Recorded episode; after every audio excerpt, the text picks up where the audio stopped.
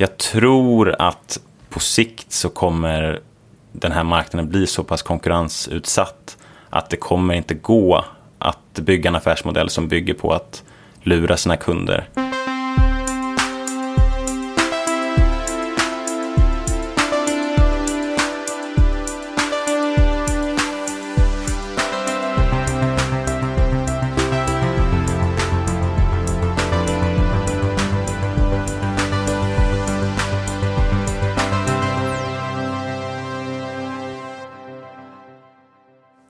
Yes, välkommen tillbaka till Heja Framtiden. Jag heter Christian von Essen. Idag är jag på Drottninggatan i Stockholm hos uh, ett fintech startupbolag som heter Anyfin med uh, analytiker Peter uh, Jonsson. Välkommen till Heja Framtiden.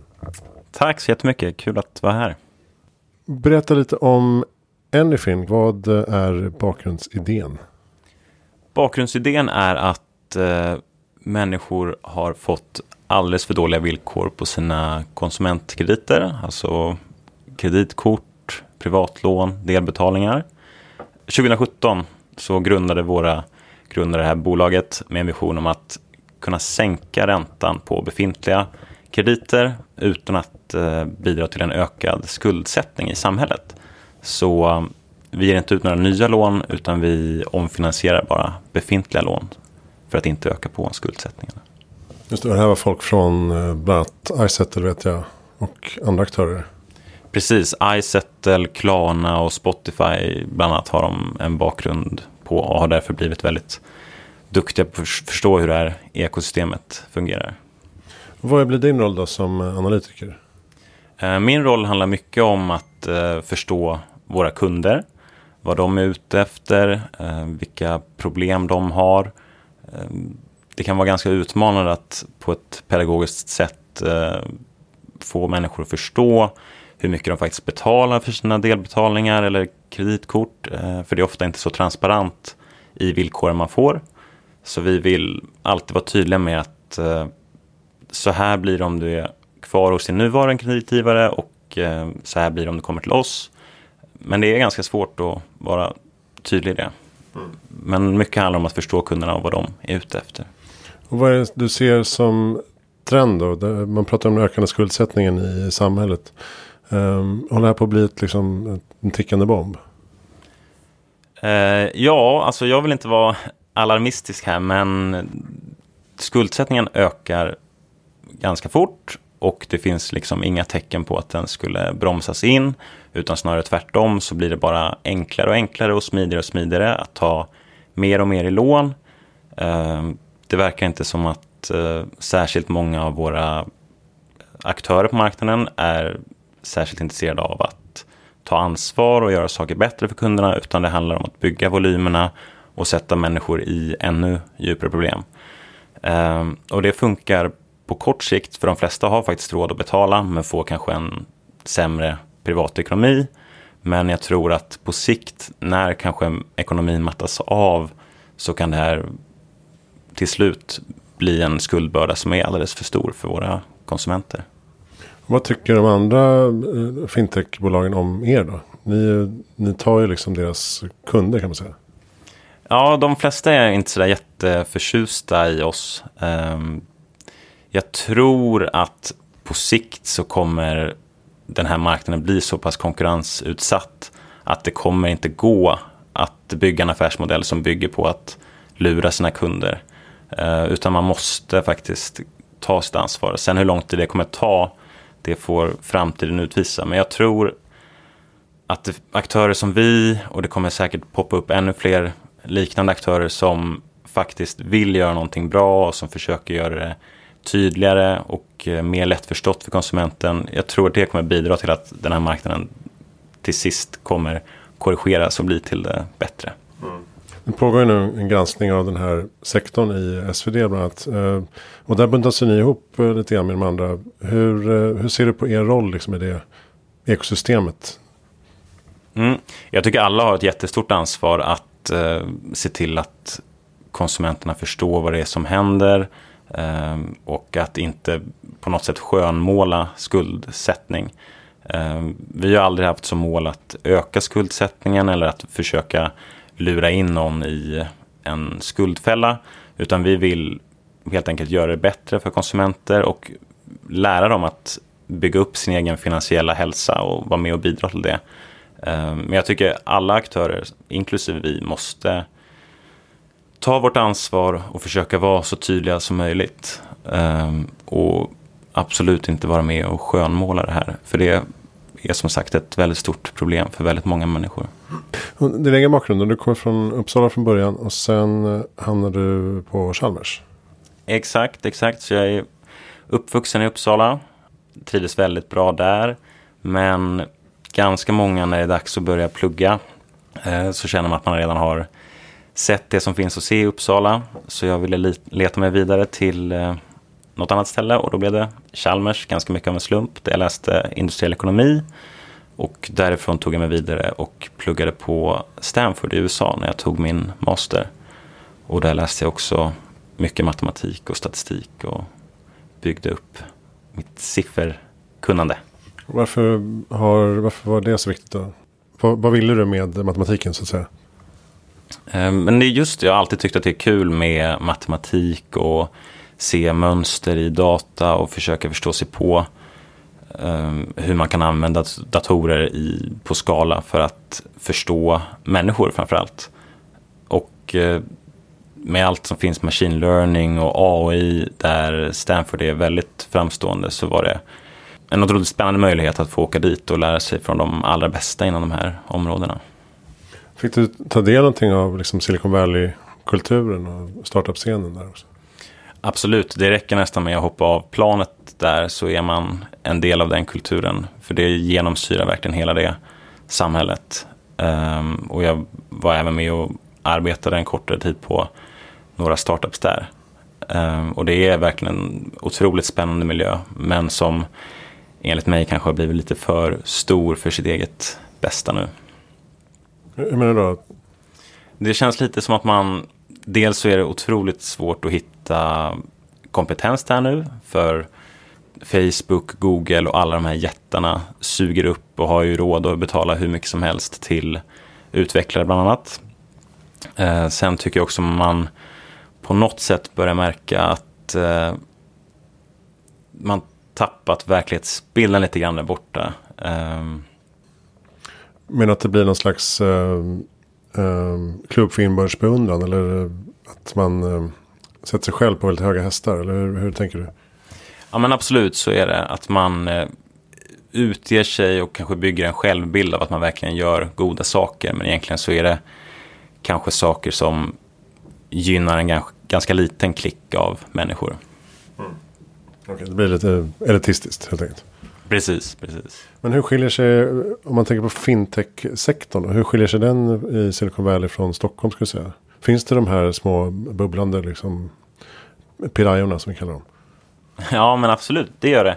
Eh, den stora fördelen med att vara ett amerikanskt bolag eller ett Silicon Valley-bolag är att man verkligen får tillgång till en sån enorm marknad på en gång mer eller mindre. Eh, så om man har en tjänst som kan skapa värde för konsumenter i USA, då är man i princip färdig kan man väl säga. Eh, Medan man, som vi idag har utgått ifrån Sverige, då är kanske inte Sverige stort nog för att bygga ett eh, fintechbolag. Utan man måste förr eller senare ta sig ut i Europa. Och där kan det vara ganska stora skillnader mellan olika länder. Mm. Jag tänkte på det, hur ser expansionsplanerna ut då? Eh, vi har lanserats, vi finns i Finland och har redan lärt oss ganska mycket av den expansionen och vilka utmaningar det innebär. Ehm, och det, redan i år så siktar vi på att komma ut i ännu fler länder och en av de första som vi siktar på, även om det inte är helt spikat, så är väl Tyskland en väldigt intressant marknad. Bara, både på grund av kreditmarknaden som helhet, men såklart också att det är en väldigt stor marknad eh, som är intressant att angripa. Det låter väldigt så här, svårt att ta sig in i ny. Alltså varje land måste ju ha sina regler och kreditlagar och eh, olika aktörer och banksystem. Ehm, det måste krävas väldigt mycket liksom, läxa innan man går in i en ny marknad. Absolut, det är olika system. EU har gjort såklart eh, det är väldigt mycket enklare att eh, etablera sig i olika länder. Och det finns till exempel EU-täckande licenser som man kan använda sig av. Um, ofta kan det också handla om att hitta en lokal partner till en början för att kunna etablera sig som kan hjälpa till med finansiering och utlåning. Uh, sen såklart så uppkommer det stora kulturella skillnader. Det upptäckte vi i Finland. Folk är um, lite mindre villiga att dela med sig av personlig data till exempel.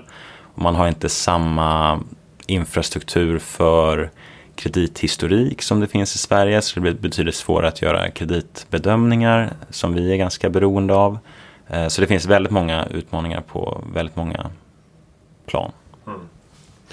Vad ser du för framtid för den här fintech-branschen generellt? Då? Kommer det komma fler små aktörer som äter upp de stora bankerna? Eller kommer de stora bankerna svälja upp de små aktörerna?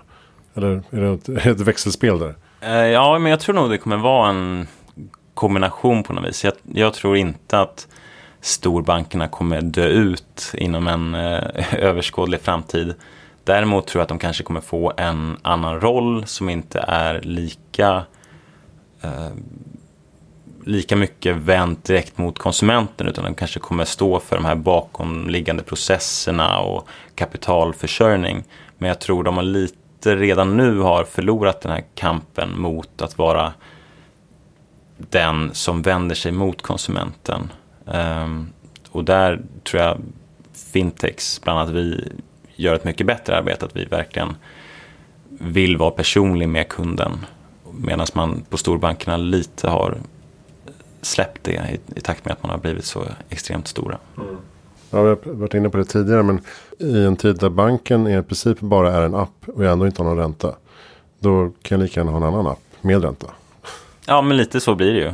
Eh, och eh, det tycker jag man ser inom väldigt många segment. Även bolånen där storbankerna fortfarande har en stor dominans. Så ser man att det kommer utmanare som är ute efter att göra det bättre för kunderna. Och i slutändan så är det klart man vinner på det.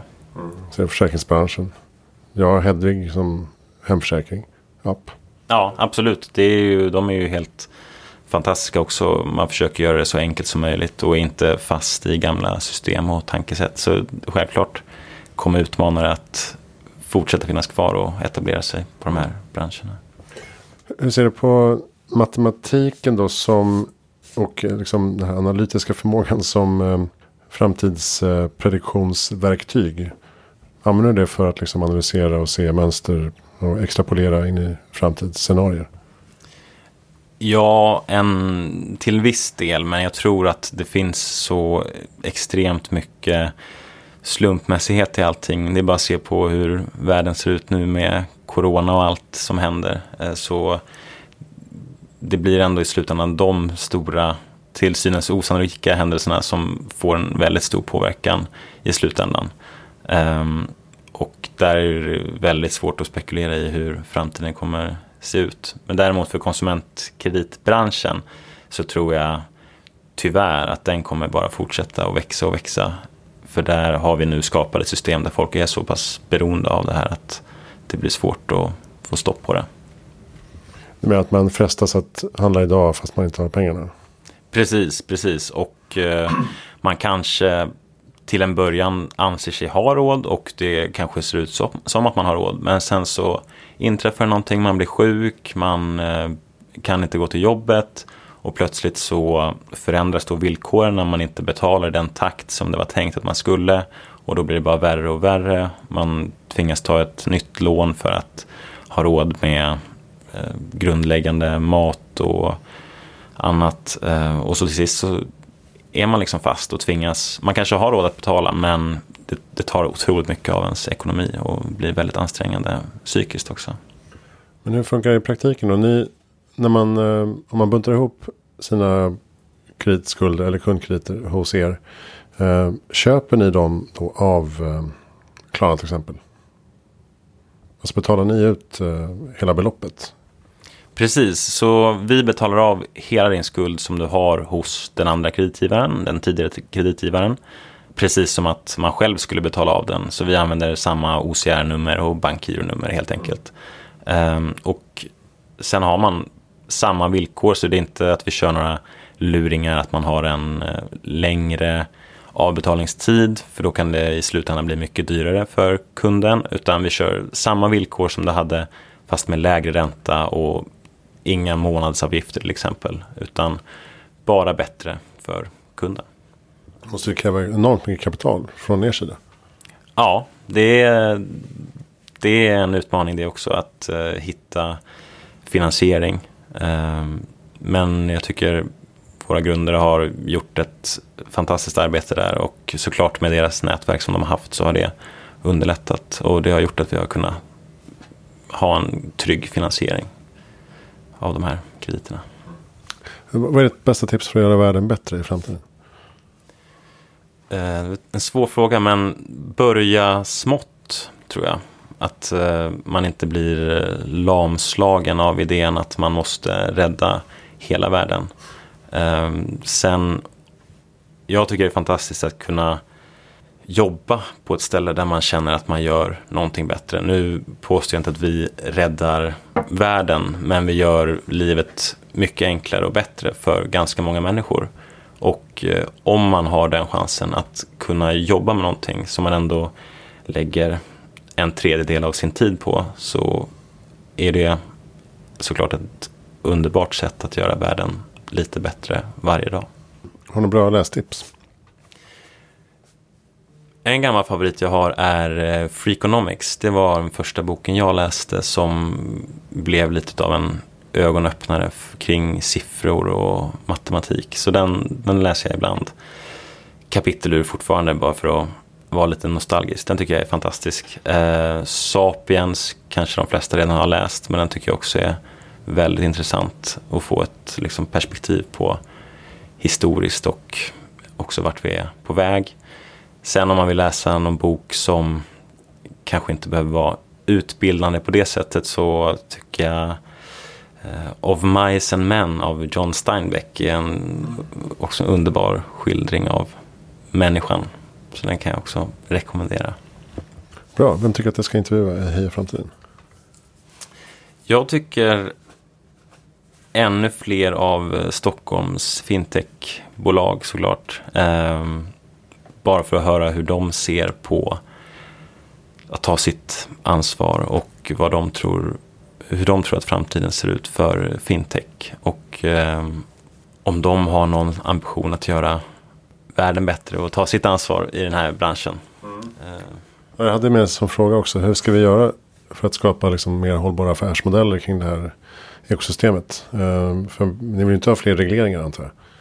Jo, jag är faktiskt eh, ganska positiv till att ha fler regleringar. Eh, om det är det som krävs för att eh, branschen som helhet ska börja ta sitt ansvar. Eh, jag tror till exempel att inte uppmana folk att eh, använda sig av de här betala senare alternativen eh, skulle man kunna reglera kring. att göra ordentliga kreditprövningar så att man inte tillåts låna ut till människor som på sikt inte kommer ha råd att betala av. Sådana typer av regleringar är jag väldigt positiv till.